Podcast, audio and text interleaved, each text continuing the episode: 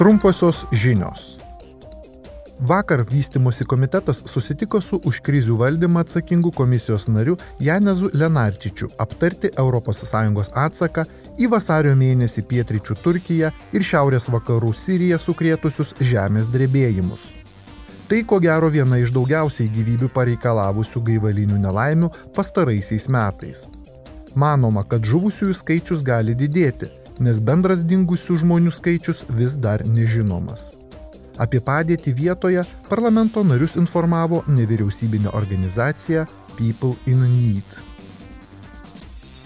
Šią savaitę Teisės reikalų komiteto nariai patvirtino naują sistemą skirtą vietos amatininkų ir pramonės gaminiams apsaugoti.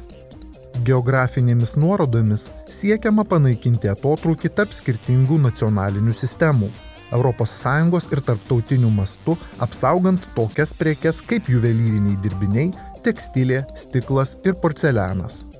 Šio teisės akto projektas grindžiamas esamų ES gaminamų maisto produktų geografinių nuorodų apsaugos reglamentu. Taip pat šią savaitę Europos parlamentas ir tarybai pirmininkaujantį Švediją pasiekė susitarimą kuriuo sukūriamas pirmasis aukščiausio lygio žaliųjų obligacijų išleidimo standartas. Juo siekiama kovoti su ekologiniu manipuliavimu obligacijų rinkose. Standartas sudarys sąlygas investuotojams patikimiau nukreipti savo investicijas į tvarias technologijas ir įmonės.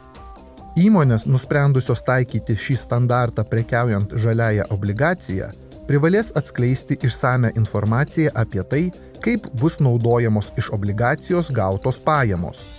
Jos taip pat privalės nurodyti, kaip tos investicijos iš esmės padeda įgyvendinti įmonės pertvarkos planus.